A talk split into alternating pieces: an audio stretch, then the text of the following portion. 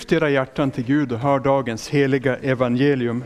Så skriver evangelisten Lukas i kapitel 9, där vi läser i Jesu namn. När tiden för Jesu upptagande var inne vände han sitt ansikte mot Jerusalem, fast besluten att gå dit. Han sände budbärare framför sig, och de gick iväg och kom in i en samarisk by för att förbereda hans ankomst. Men folket tog inte emot honom eftersom han var på väg mot Jerusalem. När lärjungarna Jakob och Johannes såg det sa de Herre, vill du att vi ska kalla ner eld från himlen som förtär dem? Men Jesus vände sig om och tillrättavisade dem, och de gick vidare till en annan by. Medan de vandrade vägen fram sa någon till honom, Jag vill följa dig vart du än går. Jesus svarade honom, Rävarna har lyor och himlens fåglar har bon, men Människosonen har ingenstans att vila sitt huvud. Till en annan sa han, Följ mig. Mannen svarade, Herre, låt mig först gå och begrava min far. Jesus sa till honom, Låt de döda begrava sina döda, men gå du och förkunna Guds rike. En annan sa, jag ska följa dig, Herre, men låt mig först ta farväl av min familj. Jesus svarade, den som sätter handen till plogen och sedan blickar bakåt passar inte för Guds rike. Så lyder det heliga evangeliet. Lovad vare du, Kristus.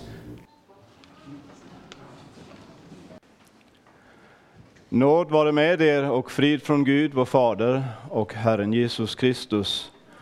Låt oss be. Herre, jag beder, fattig och hjälplös i mig. Se till mig neder, öppna mitt hjärta för dig. Råd du där inne, låt mig se ljus i ditt ljus. Aldrig mitt sinne mättas av stoft eller grus. Sen från det höga anden som utgår av dig och med ditt öga led mig på sanningens stig. Våren försvinner hastigt likt dagen igår. Sälj den som finner livet i ungdomens vår. Amen. I dagens evangelium hör vi om en man som är 100% redo att följa Jesus. Han verkar ha förstått att det är nu det gäller. Kosta vad det vill. Jag vill följa Jesus. Han säger beslutsamt och frimodigt till Jesus jag vill följa dig vart du än går. Tycker du inte det finns något fantastiskt med en sådan kraftfull och beslutsamhet och den övertygelse som möter oss i mannens ord? Jesus, jag vill följa dig vart du än går. Jag tycker det är underbart och jag hoppas att du någon gång har avlagt en liknande, ett liknande löfte till Jesus. Jag tänker att kanske ni konfirmander har fått möta Jesus på ett särskilt sätt här under konfirmationslägret. Och kanske i en helig stund kunnat säga till Jesus, Jesus, jag vill vara din.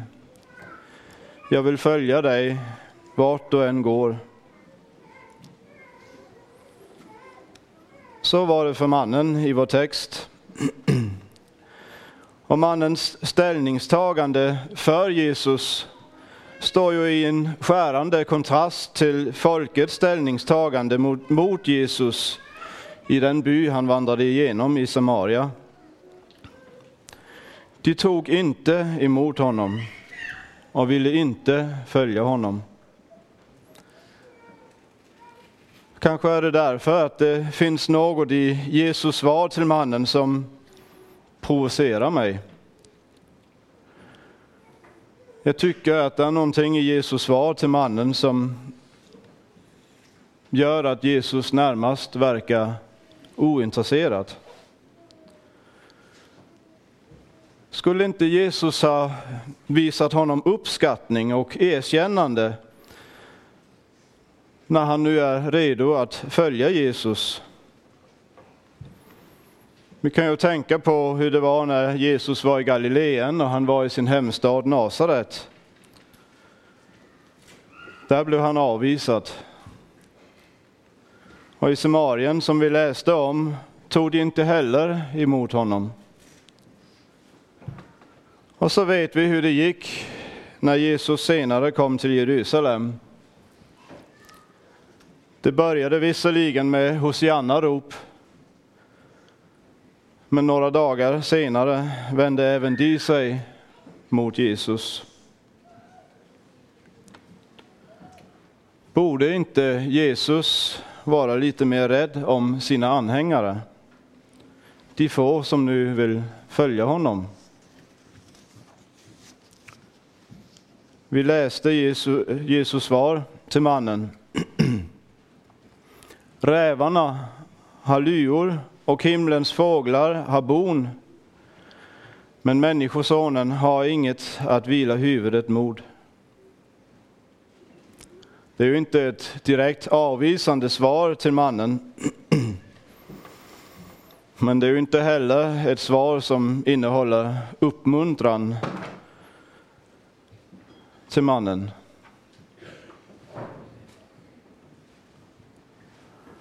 För Jesus, han ser helt kompromisslöst på saken. Jesus förhåller sig enbart ur evighetsperspektiv till mannens löfte.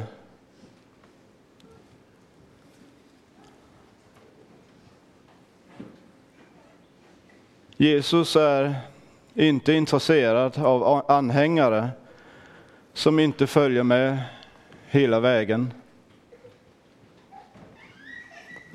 Vad hjälper det mannen om han bara orkar följa Jesus till en tid och sen i evigheten ändå går förlorad?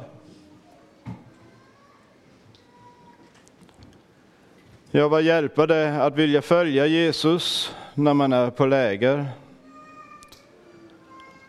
Om man inte vill följa honom i vardagen där hemma.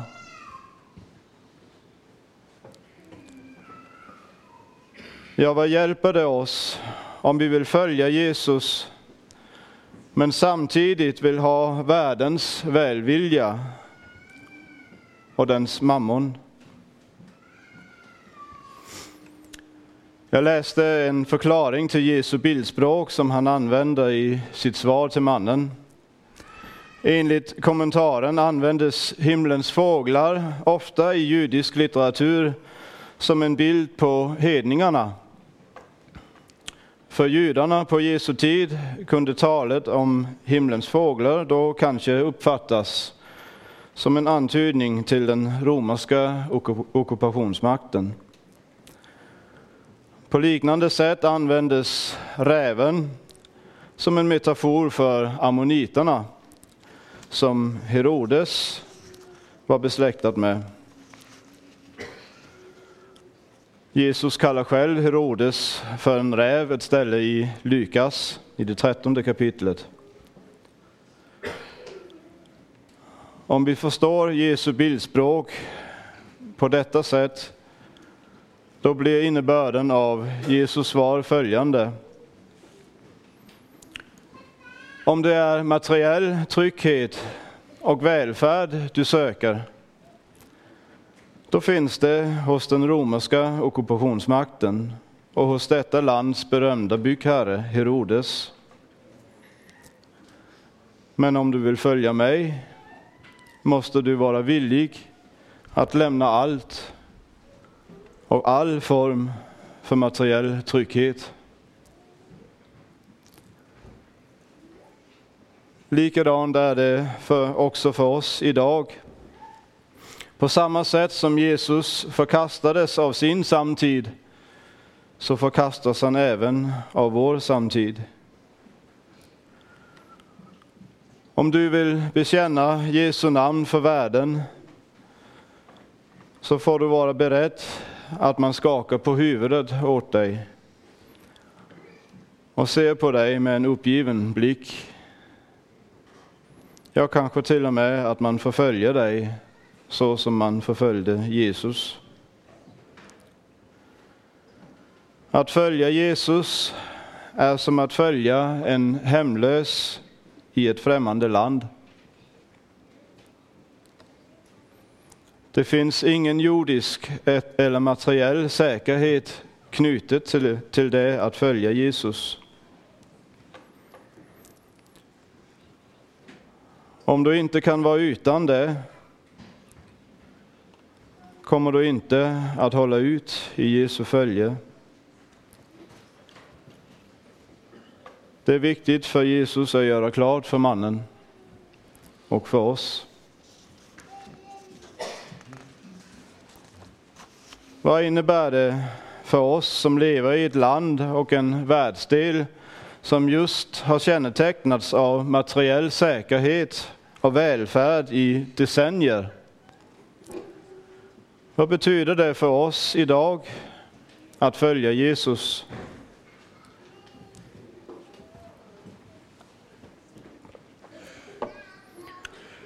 Ja, då kan vi ta för, ta för oss och höra att Herren talar också till oss i dagens gamla testamentliga läsning. Där läste vi Om det finns någon fattig hos dig, en av dina bröder, i någon av dina städer i det land som Herren din Gud ger dig, ska du inte förhärda ditt hjärta eller tillsluta din hand för din fattige broder, utan villigt öppna din hand för honom och villigt låna, ut, låna honom vad han behöver i sin brist. Med vilka ögon ser du och jag som vill följa Jesus på de fattiga hos oss?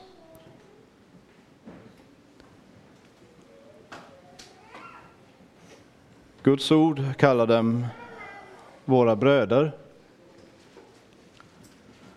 Är det så vi ser på de fattiga och behövande hos oss? En broder? Och Guds ord jämställer förhärdelse och det att inte vilja ge som två sidor av samma mynt.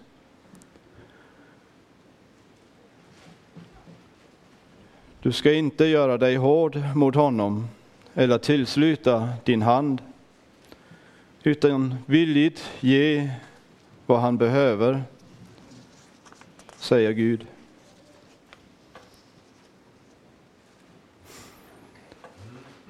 Och så ska vi lägga märke till hur Gud lägger märke till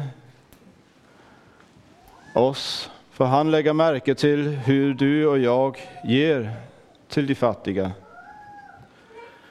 Det betonas flera gånger att jag ska göra det villigt. Och ett annat ställe i texten uttrycks det med en negation. Ditt hjärta ska inte vara motvilligt när du ger.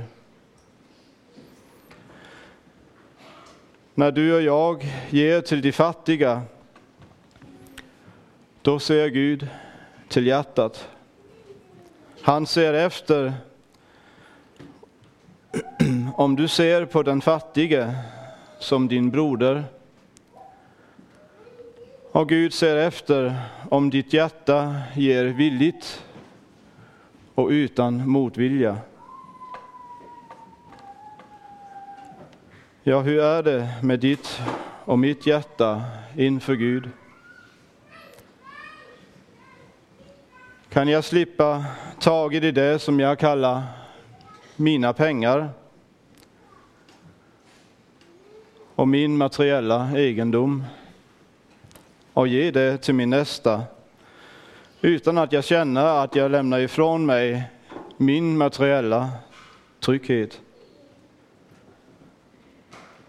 Kan jag göra det frimodigt och villigt? Utan att känna motvilja i mitt hjärta? Kan du det?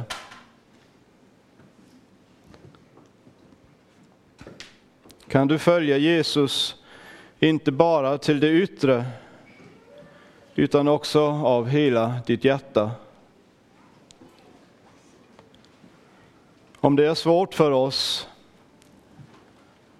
blir det då en hjälp för oss att Gud knyter ett löfte till det villiga givandet?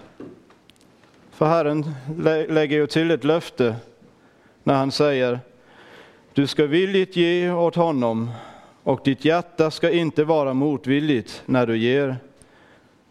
Och så kommer löftet. Ty för en sådan gåvas skull ska Herren din Gud välsigna dig i alla dina verk och i allt vad du företar dig. Vilket löfte! Tror du det? Tänker och räknar du och jag på det sättet? Eller är det så att jag känner mig mera trygg när jag håller mina pengar, när jag behåller mina pengar och inte är beroende av Herrens löfte om välsignelse?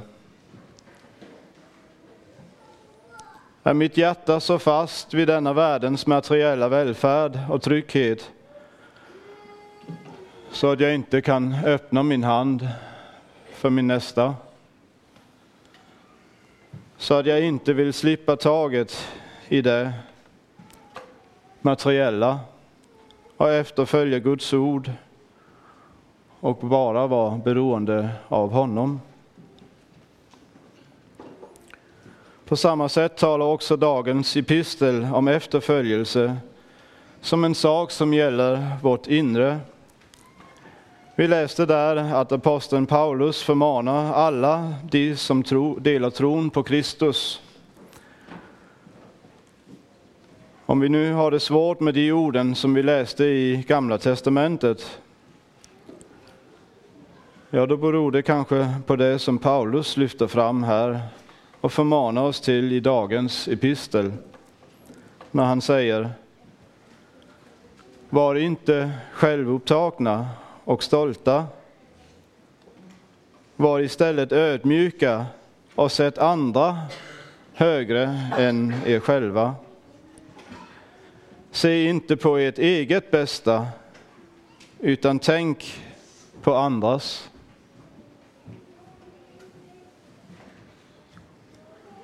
Är det de kristna Guds ord förmanar här? Ska det vara nödvändigt att förmana oss om sådant? Vet inte vi kristna att det inte är fint att vara självupptagen och stolt och tänka på sig själv? Men hur är det då med mig när jag tillsluter min hand mot min fattiga broder. Eller ger med ett motvilligt hjärta. Avslöjar inte det att jag i hjärtats djup är mera upptagen av mig själv än min nästa? Visa inte det att jag sätter mig högre än min nästa, min broder. Jag tänker ju först på mitt eget bästa och inte på andras. Känner du igen detta sinnelag också i ditt hjärta? Jesus säger till alla som vill följa honom Ta på er mitt ok och lär av mig Ty jag är mild och ödmjuk i hjärtat. Jesus är ödmjuk i hjärtat. Det är samma ödmjukhet som Paulus förmanar oss till idag när vi läser. Var inte självupptagna och stolta. Var istället ödmjuka och sätt andra högre än er själva. Se inte på ert eget bästa utan, på, utan tänk på andras. Och så fortsatte förmaningen med orden. Var så till sinnes som Kristus Jesus var.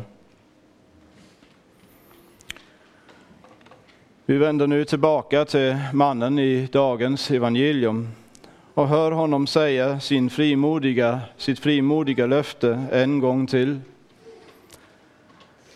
Jesus, jag vill följa dig vart du än går. Kan du ta de orden i din mun och med uppriktighet säga dem till Jesus? Jesus, jag vill följa dig vart du än går. Ske din vilja.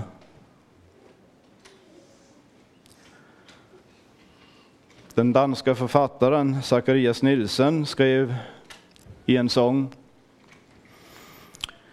Väl är min bön, o Gud, din vilja ske, så ofta under frejdig tro uppstigit.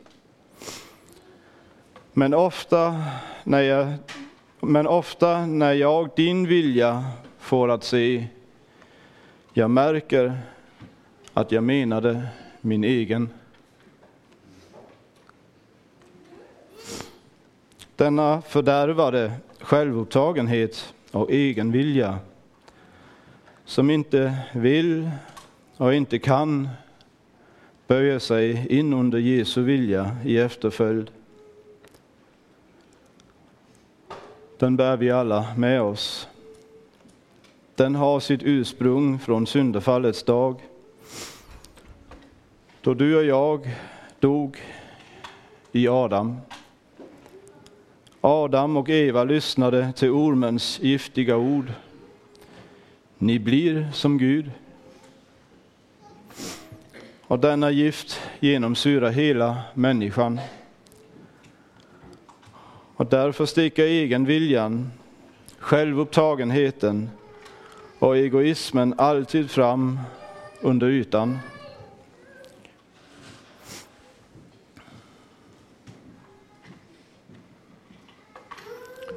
Därför finns det varken ödmjukhet mot min nästa eller mot Gud här inne. Jag har något i mig som inte kan och inte vill böja sig utan stolt reser sig i självupphöjelse.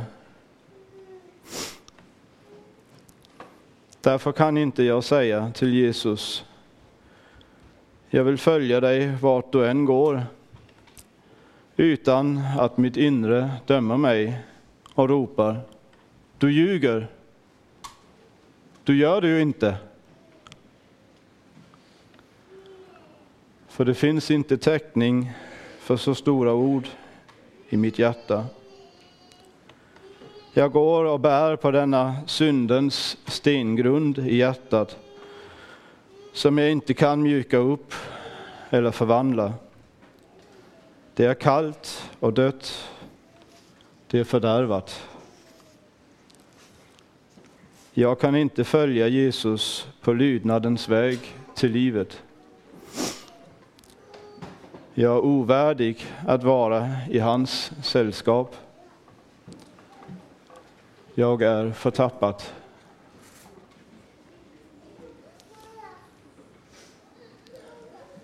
Vad kan frälsa mig som är i denna nöd? Och vad kan frälsa dig om du känner samma nöd? Finns det något? Finns det någon?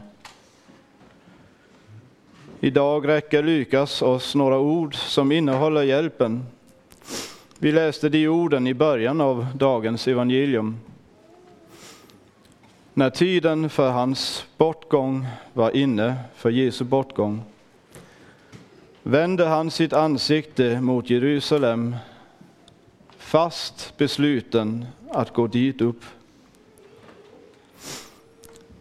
De grekiska orden som används här för att beskriva att tiden för Jesu bortgång var inne är faktiskt de samma orden som Lukas också använder i Lukas 2.1 till att beskriva tiden för Jesu födelse. Och det hände vid den tiden. På samma sätt som Guds ord genom Lukas hand vill markera uppfyllelsen av den tidpunkten då Guds son träder in i världen och födas som människa, så vill ordet också markera uppfyllelsen av den tidpunkt då Jesus, Guds son, skulle träda ut ur världen och gå till Fadern. Och därmed får Lukas sagt att både Guds sons födelse som människa och hans lidelse och död är en gudomlig plan som har förutsagts i Gamla testamentet och som i tidens fullbordan har gått i uppfyllelse. Och det hände vid den tiden. Nu var den tiden alltså inne för Jesu, som gällde för Jesu bortgång. Och vad gör han då? Jag lägg märke till vad det står om Jesus. För där i finns det liv och frälsning för oss. Det fanns en väg utstakad för Jesus som han skulle följa. Och han, för, han handlar inte självupptaget och egenrådigt som vi. Nej, vad gör Jesus? Han vände sitt ansikte mot Jerusalem, fast besluten att gå dit upp. Han gick den vägen han skulle gå, i villig lydnad mot Gud. Han var ödmjuk i hjärtat så att han satte oss ovärdiga syndare högre än sig själv. Han såg inte till sitt eget bästa utan uppoffrade sig till bäste för oss. I förlängningen av epistelns ord så läser vi om Jesus.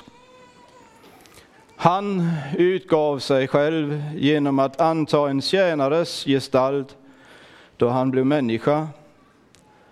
Han som till det yttre var som en människa ödmjukade sig och blev lydig ända till döden, döden på korset. Han Jesus gick lydnadens väg till ände och han uppfyllde all rättfärdighet. Och så möter du honom lite längre fram på lydnadens väg i Getsemane.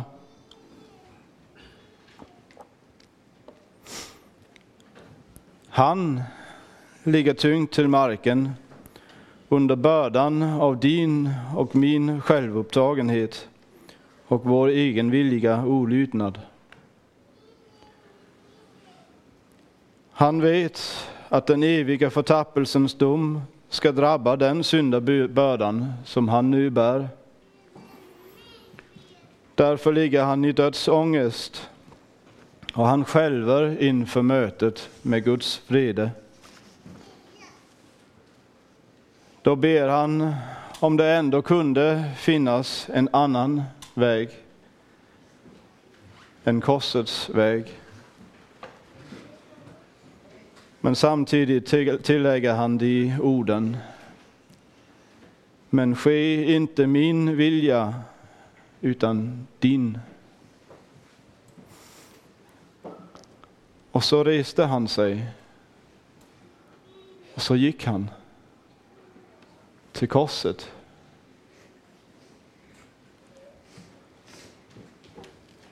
Och där öppnade han villigt sin hand för en syndig värld som inte är det värd. Han tillslöt inte sin hand för oss med ett modvilligt hjärta. Nej, han öppnade sina händer och hela sin famn och lät sig genomborras. Då gav han sig själv till oss. Han utgöt sitt rena, oskyldiga blod för urfattiga och behövande syndare i vilka han såg sina bröder. I Jesu självutgivande gåva till oss förtappade syndare, där finns det frälsning och evigt liv för oss. Här finns det en gåva som långt överträffar all din och min fattigdom. Hur illa den har gått och hur hopplöst skuldsatt du än måtte vara. I honom är vi friköpta genom hans blod och har förlåtelse för våra synder på grund av den rika nåd som han låtit flöda över oss. Här finns en banad väg som bär både halta och lama, ja till och med de som är döda i synder och överträdelser. Jesus är själv den nya och levande vägen som bär oss arma syndare in i himlen av bara nåd. Och vad blev det då av efterföljelsen? Ja, den börjar spira fram som frukt här där det har fått bli Jesus, Jesus, bara Jesus. Amen. Jesus, du som kalken för oss drack. Jesus, Jesus, evig tack. Amen.